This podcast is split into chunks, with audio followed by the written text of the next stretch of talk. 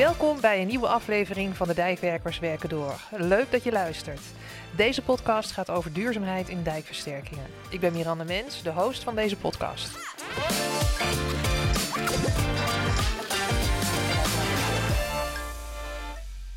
Op 17 september bezochten de dijkwerkers on tour het project Meanderende Maas. Met de dijkversterking Ravenstein-Lid als belangrijk onderdeel. Dit wordt een echte duurzame dijk. Hans van Engen, landschapsarchitect bij de provincie Noord-Brabant, legt uit wat dat betekent. Welkom Hans. Kan jij de luisteraars uitleggen wanneer een dijk duurzaam is? Ja, ik zal, ik zal, een, uh, ik zal eens een, poging uh, wagen. Want duurzaamheid is best een ingewikkeld begrip. Uh, het is eigenlijk, als je er goed naar kijkt, is het een containerbegrip wat heel veel verschillende elementen bevat. Um, maar als we het over onze dijk hebben, die uh, tussen Ravenstein en Littus, dan betekent het voor ons dat we vooral hebben ingezet op, op onderdelen als biodiversiteit en ruimtelijke kwaliteit. En vooral ook uh, het benutten van gebiedseigen grond. Dat is voor ons echt maar het, het speerpunt om uh, ons verhaal tot een duurzaam verhaal te maken. Ja, ja oké. Want met vooral die gesloten grondbalans hebben jullie een enorme klapper gemaakt, hè? Ja, ja, dat is echt het punt waar we van ontdekt hebben dat je daar het grote verschil in kan maken. En uh, ja, je moet je voorstellen dat um, door grond uit het eigen gebied te halen, kun je wel een factor 400 duurzamer zijn dan als je zeg maar, grond van buitenaf naar het gebied aan zou slepen. Nou, dat is enorm. Ja, dat is als, echt enorm. Ja, als dat verschil dan zo groot is, hè, waarom doen we dat dan al niet veel langer? Ja, dat is een goede vraag. Um, uh, op een hele kleine schaal zien we wel dat het af en toe gebeurd is. Maar in de praktijk blijkt het toch vaak uh, lastig. Uh, ik denk dat we in het verleden ook misschien een beetje de neiging hebben gehad om de dijkversterking als een soort sectorale opgave uh, te bekijken. Waardoor er gewoon verhoudingsgewijs wat minder aandacht was voor de omgeving. Um, en die grond, ja, die moet natuurlijk ergens vandaan komen. Die is van iemand. dat, dat maakt het vaak ook ingewikkelder. Um, en um, ik denk dat we nu gewoon wat meer bewust zijn van duurzaamheid en daardoor ook beter kijken naar uh, zeg maar, de complexiteit van de opgave. En dus ook beter kijken naar ja, wat er voor nodig is om het te realiseren. Ja. En dus ook met een bredere blik uh, naar het gebied kijken. Ja, precies. Want de dijkversterking was en is nog steeds een aangelegenheid van het waterschap zelf. En het is de vraag of het waterschap ook zeggenschap heeft over de omliggende gronden. Klopt, ja, die is vaak toch van iemand anders. En um, in ons project hebben we uh, het geluk gehad dat we een hele goede samenwerking zijn aangegaan met uh, natuurmonumenten. Die in het buitendekse gebied ook al grote grondpositie had. Um, en zo zijn er nog veel meer uh, partners. Um, en eigenlijk juist die samenwerking die maakt dat we in staat zijn om daarmee ook een heel duurzaam project te draaien. Ja, ja. Hey, dus die gesloten grondbalans bij Meanderende Maas, dat is echt een, een, een, ja, een, een duurzaam uh, aspect van, van jullie project. Wat is ja. er nog meer duurzaam aan Meanderende Maas? Nou, er zijn een aantal dingen die ik graag zou willen noemen. Um, maar naast die grote, die gesloten grondbalans hebben we echt ontdekt dat uh, uh, de natuurontwikkeling een heel belangrijk onderdeel is. Uh, niet alleen dus vanuit biodiversiteit gedacht en, en bijzondere natuurtypen die echt in dat buitendijkse gebied horen. En dan moet je denken aan hooibossen en rietmoerassen en, en waterpartijen. Maar die natuur die blijkt dus ook gewoon enorm goed in staat om CO2 uh, in zich op te nemen. Ieder jaar weer. Ieder groeiseizoen legt, het, legt de natuur weer nieuwe CO2 vast.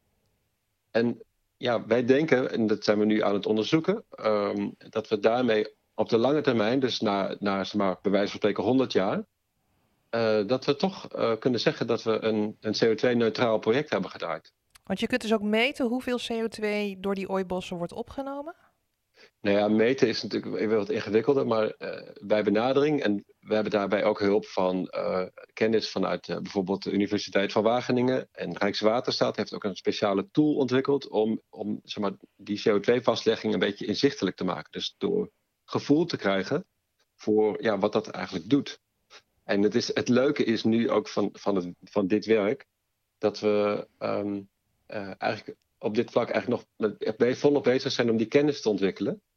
Um, en we, ja, we krijgen dus ook gewoon iedere keer weer nieuwe, betere inzichten in hoeveel maar, die natuur eigenlijk uh, betekent, ook in dat opzicht. Interessant. Oké. Ja. Hey Hans, je had nog een andere suggestie. Ehm, hang een prijskaartje aan, aan CO2. Hè? Zet CO2 op kosten om een meer volwaardige afweging te maken. Kan je daar wat meer over vertellen? Ja, dat klopt. We, hebben ook, ehm, eh, we zijn natuurlijk met een aantal spannende dingen bezig rondom die dijk. Met name als het gaat om oplossingen rondom uh, piping. En dan kun je soms kiezen voor, ehm, voor een oplossing in grond of soms voor een constructie. Um, maar we zijn echt op zoek gegaan naar een manier hoe we zeg maar, de, de, de duurzame oplossing het beste kunnen kiezen.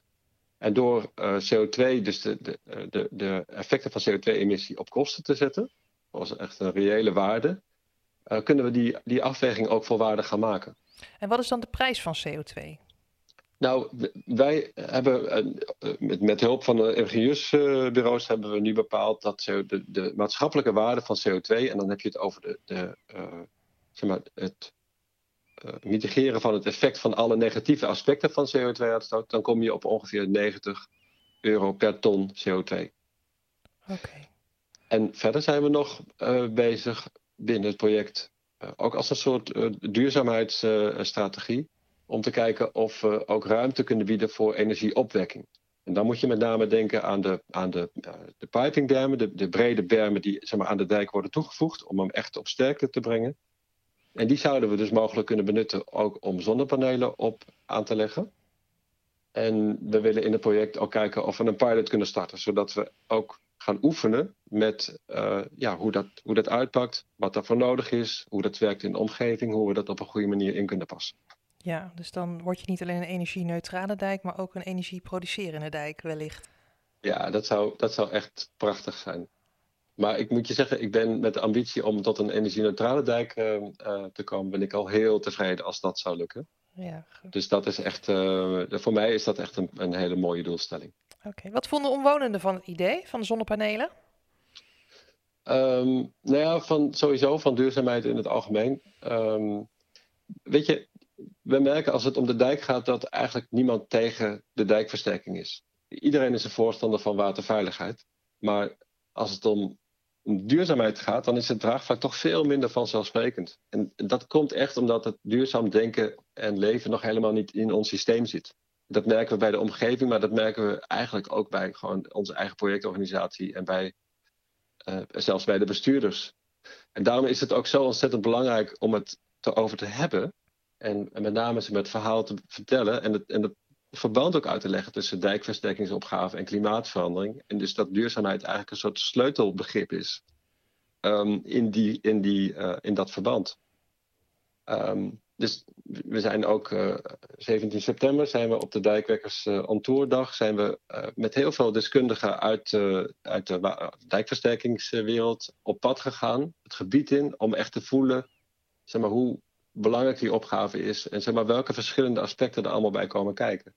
En dan merk je op het moment dat je het erover gaat hebben, dat je veel makkelijker begrip krijgt. En dus ook draagvlak voor de maatregelen die we gaan nemen. Ja, precies. Het lijkt een open deur, maar blijf dus goed met elkaar in gesprek. Ja, absoluut. Ja, ja. ja. En dat, de noodzaak daarvan ben ik eigenlijk steeds meer van uh, doordrongen geraakt. Oké. Okay. Hans, even ter afsluiting uh, van dit gesprek. Is er nog iets wat je aan onze luisteraars wil meegeven? Ja, nou ja, ik, ik, ik heb echt wel de ervaring dat um, door uh, echt aan te jagen vanaf het allerprilste begin van deze projectontwikkeling, want er zijn al, moet je voorstellen, toch al een jaar of vier, vijf bezig. Ik heb ontdekt dat door in het begin um, met duurzaamheid bezig te zijn, met een soort integrale gebiedsontwikkeling, dat we uiteindelijk gewoon veel verder kunnen komen. En dus niet op het allerlaatste moment nog allerlei dingen voor de bühne zitten te doen, maar echt heel intrinsiek duurzaamheid hebben meegenomen in de, in de projectdoelstelling. En dat, is, dat ben ik gewoon uh, ja, heel tevreden over. Mooi, oké. Okay. Ja. Hey, dank voor dit leuke gesprek Hans en succes met al je mooie werk. Dankjewel, graag gedaan.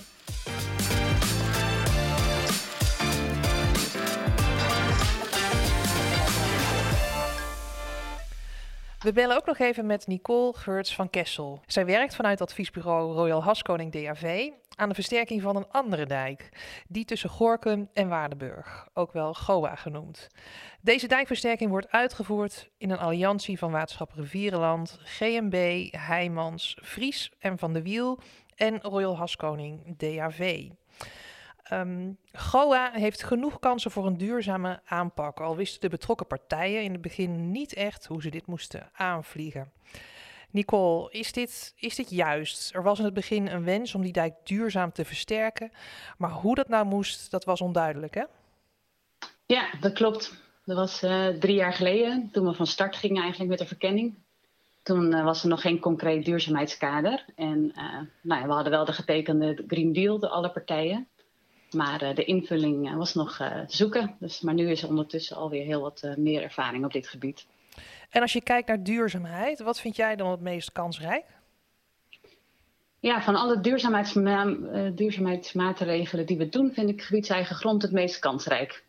Dus uh, bij GOA uh, moet van 23 kilometer versterkt worden. En dat willen we zoveel mogelijk doen met grond uit het gebied. En alleen met de constructie zoals het niet anders kan. Dus we kijken niet alleen naar de dijk, maar ook naar de inrichting van vier uiterwaarden. En benutten meekoppelkansen, ook bijvoorbeeld door een gul te graven in de uiterwaarden. En extra natuur aan te leggen. Oké. Die extra natuur, dat is ter compensatie van de dijkversterking, hè? Ja. ja. Oké. En Nicole, jij stelde eerder vijf aanbevelingen op voor duurzame dijken. Voor de geïnteresseerde kijkers, die kunnen dit even checken op de website van Royal Haskoning DAV. Als je googelt op uh, duurzame dijkversterking en, en, jouw naam, Nicole Geurts van Kessel, kom je daar vanzelf op uit. Dan kun je daarvoor nu even kort iets over vertellen. Ja, er zijn toch ook wel wat uh, leerervaringen en wat factoren die dan ook wel bijgedragen hebben aan, uh, aan het, aan het su succes. En het uh, eerste punt daarin is uh, nou, maak een gedragen plan voor duurzaamheid met een stapsgewijze aanpak. En dat plan dat hebben wij opgesteld en dat vormt in elke basis de stap, de, eigenlijk de basis voor het gesprek met alle partijen. En nou, in ieder geval gezorgd dat dat ook focus kent en flexibel is. Dus focus is heel belangrijk per fase. Uh, waar richt je op? Dus we hebben bij GOA bijvoorbeeld ook in de verkenningfase gefocust om de dijk zoveel mogelijk met grond te versterken en zo min mogelijk met constructies. Nou, dat is best een uitdaging geweest, omdat er zoveel woningen langs die dijk staan. Want dan uh, zijn constructies toch ook altijd gauw een wenselijke oplossing als je niet zoveel plek hebt. Weinig ruimte, inderdaad. Dus dat hebben we een belangrijke plek uh, gegeven in de afweging. Oké, dus dat gedragen plan voor duurzaamheid is dus heel belangrijk. En daarin ja. uh, verwoord je dus ook de doelen die je met elkaar hebt in duurzaamheid. Ja, ja klopt. En verder, uh, nou ja, wat ook een belangrijke is, is uh, om de partners te betrekken in de omgeving bij de kansen uh, voor ook de duurzame ruimtelijke kwaliteit. Dus wij hebben ook vanuit GOA vroegtijdig de participatie gezocht met de omgeving, om ook die gebiedskansen in beeld te brengen. En een groot daarvan konden we meekoppelen. En uh, Rijkswaterstaat wilde graag uh, kaderrichtlijn watermaatregelen in de uiterwaarden. Uh, de gemeentes en dorpsbewoners wilden graag mogelijkheden voor recreatie. En nou ja, wij moesten zelf dus ook voor de dijkversterkingsopgave dus de compensatie regelen. Omdat we dan het rivierbed ingaan en, ehm, en dus ook geulen graven en natuurontwikkeling moesten doen. Dus nou ja, die, die ontwikkelingen samen hebben we eigenlijk uitgewerkt in uh, integrale inrichtingsplannen. En ja, gaf ons dan weer de kans ook voor gebiedseigen grond. Oké. Nou, een ander uh, factor en advies is ook om de handreiking circulaire dijken erbij te pakken. Die, daar hebben wij afgelopen jaar vanuit Haskoning PV ook aan meegewerkt in opdracht naar Rijkswaterstaat. Nou, dat, is ook, dat levert ook concrete handvaten eigenlijk voor het ontwerpteam. Met het idee om eigenlijk dus de, het materiaalgebruik zoveel mogelijk te voorkomen en uh, zoveel mogelijk her te gebruiken. Uh, dat vraagt ook uh, flink puzzelen en studeren in het voortraject. Nou, we hebben in ieder geval gezien bij uh, Gorkum Waardenburg dat, dat, eigenlijk dat alle inspanning die we hebben geleverd in de, om de versterking te verkleinen, ook een hele grote duurzaamheidswinst oplevert. En nou, dan zie je eigenlijk dat duurzaamheid en de verlaging ook van de kosten, dat gaat ook gewoon hand in hand. Nou, we hebben ook bijvoorbeeld uh, gedetailleerd gerekend aan de hergebruik van steenbekledingen. En uh, nou ja, ook uh, gedetailleerd gerekend op locaties waar hoge voorlanden zijn. En nou, daar konden we dus ook kijken of zorgen dat we dan constructies konden weglaten eigenlijk. En alsnog op die manier ook nou, kosten te besparen, maar ook een grote duurzaamheidswinst te creëren. Nou, het vierde punt is ook om gewoon echt uh, goed uh, flink te, uh, te, investeren in onderzoek naar gebiedseigen grond. omdat ik al noemde dat dat een, echt een kanshebber is, ook met, met partijen samen. Maar um, nou, omdat wij dus ook met drie aannemers in de alliantie al vanaf de verkenningsfase bezig zijn, hebben we ook dus allerlei onderzoeken naar de geschiktheid van de grond en een gedetailleerd grondstromenplan. Dat hebben we ook al vroeg kunnen doen in het traject. En daardoor hebben we daar ook al goed zicht op de bruikbaarheid en de risico's. En ehm, nou ja, doordat je dat gewoon ook vroeg eh, kunt uitwerken, vergroot je dus ook die kansen en de meerwaarde ten opzichte van wanneer je dat pas uh, in de uitvoeringsfase oppakt. En um, nou, tot slot uh, gebruik ook de tool dubbelkalk bij het ontwerpen, ontwerpen van, de, van de dijken. Om het ook kwantitatief te maken en in plaats van er alleen over te praten. Uh, nou, en dat is ook iets wat nu uh, de laatste paar jaar sterk in ontwikkeling is, omdat er ook een landelijke opgave ligt uh, om die CO2-uitstoot te verminderen en ook de milieu-impact te reduceren. En is dan een tool ehm, die je dan kan inzetten om dus die milieu-impact te kwantificeren. En ehm, ja, zo hebben wij ook gezien bij GOA dat wij ehm, nou, iets van nu een totale uitstoot van iets van 100.000 ton CO2 hebben met de versterking. En uh, nou, dat we dus bijvoorbeeld door het gebruik van de grond uit de uiterwaarden uh, en deze dus niet aan, uh, aan te voeren van uh, buiten, dat we al bijna 5000 ton CO2 kunnen besparen, uitstoot kunnen besparen. Ja, dat is fors. Ehm, ja, en, en, we zien ook dus in de totaal impact die we hebben, uh, dat uh, als we die getallen dan, die hebben we ook gelegd naast uh, gemiddelde, zover die getallen bekend zijn. Hè, en, dat we dan dus ook al 10% lager zitten dan de gemiddelde per kilometer die we nu in gedachten hebben. Dus dat is ook al um, nou, wel een knappe prestatie, vind ik, voor voor zo'n project eh, met zo'n grote opgave. Ja, eens, eens. Heel interessant deze vijf aanbevelingen. En nogmaals voor luisteraars die, uh, die wat meer over eh, deze vijf stappen willen weten, die kunnen dus de website van Royal Haskoning DAV uh, even checken en googlen op duurzaamheid en uh, EO-naam Nicole Geurts van Kessel. Dan kom je daar vanzelf uit. Weet ik uit ervaring. en Nicole, even ter afronding. wij vroegen eerder Hans van Engen. Hij is landschapsarchitect van de provincie Noord-Brabant en hij werkt aan de meanderende Maas. Wij vroegen hem naar zijn ultieme tip uh, van hoe krijg je nou een dijkversterking echt duurzaam? Nou, hij zei toen: begin zo vroeg mogelijk met duurzaamheid. Wat is jouw gouden tip? Ja, nou ja, dat is leuk, want wij uh, liepen op 17 september in de uiterwaarden bij uh, Meanderende Maas. En daar, zie ik dus, daar heb ik ook gezien dat er best wel gelijkenis dan zit tussen dat project en bij Gorkum Waardenburg. Want ik deel zijn mening helemaal eigenlijk. Dus ja, zoek aan het begin van het project uh, naar de mogelijke winstpakkers ook uh, voor je project. En zet daar volop in. Dus zowel met de onderzoeken als uh, met de partners in de omgeving. Dat is, dat ja. is de crux, denk ik. En kijk dus goed naar die mogelijkheden voor grond uit eigen gebied ook, hè? Ja, ja. ja zeker. Okay. Nicole, dankjewel hiervoor en heel veel succes in je werk bij Gorken Waardenburg. Dankjewel. We kunnen het niet vaak genoeg benadrukken. Neem duurzaamheid al vroeg mee in je duinversterking. Als het aan Hans van Engen ligt, wordt duurzaamheid dan net zo vanzelfsprekend als waterveiligheid. Wil je reageren? Praat dan mee via hashtag Dijkwerkerspodcast.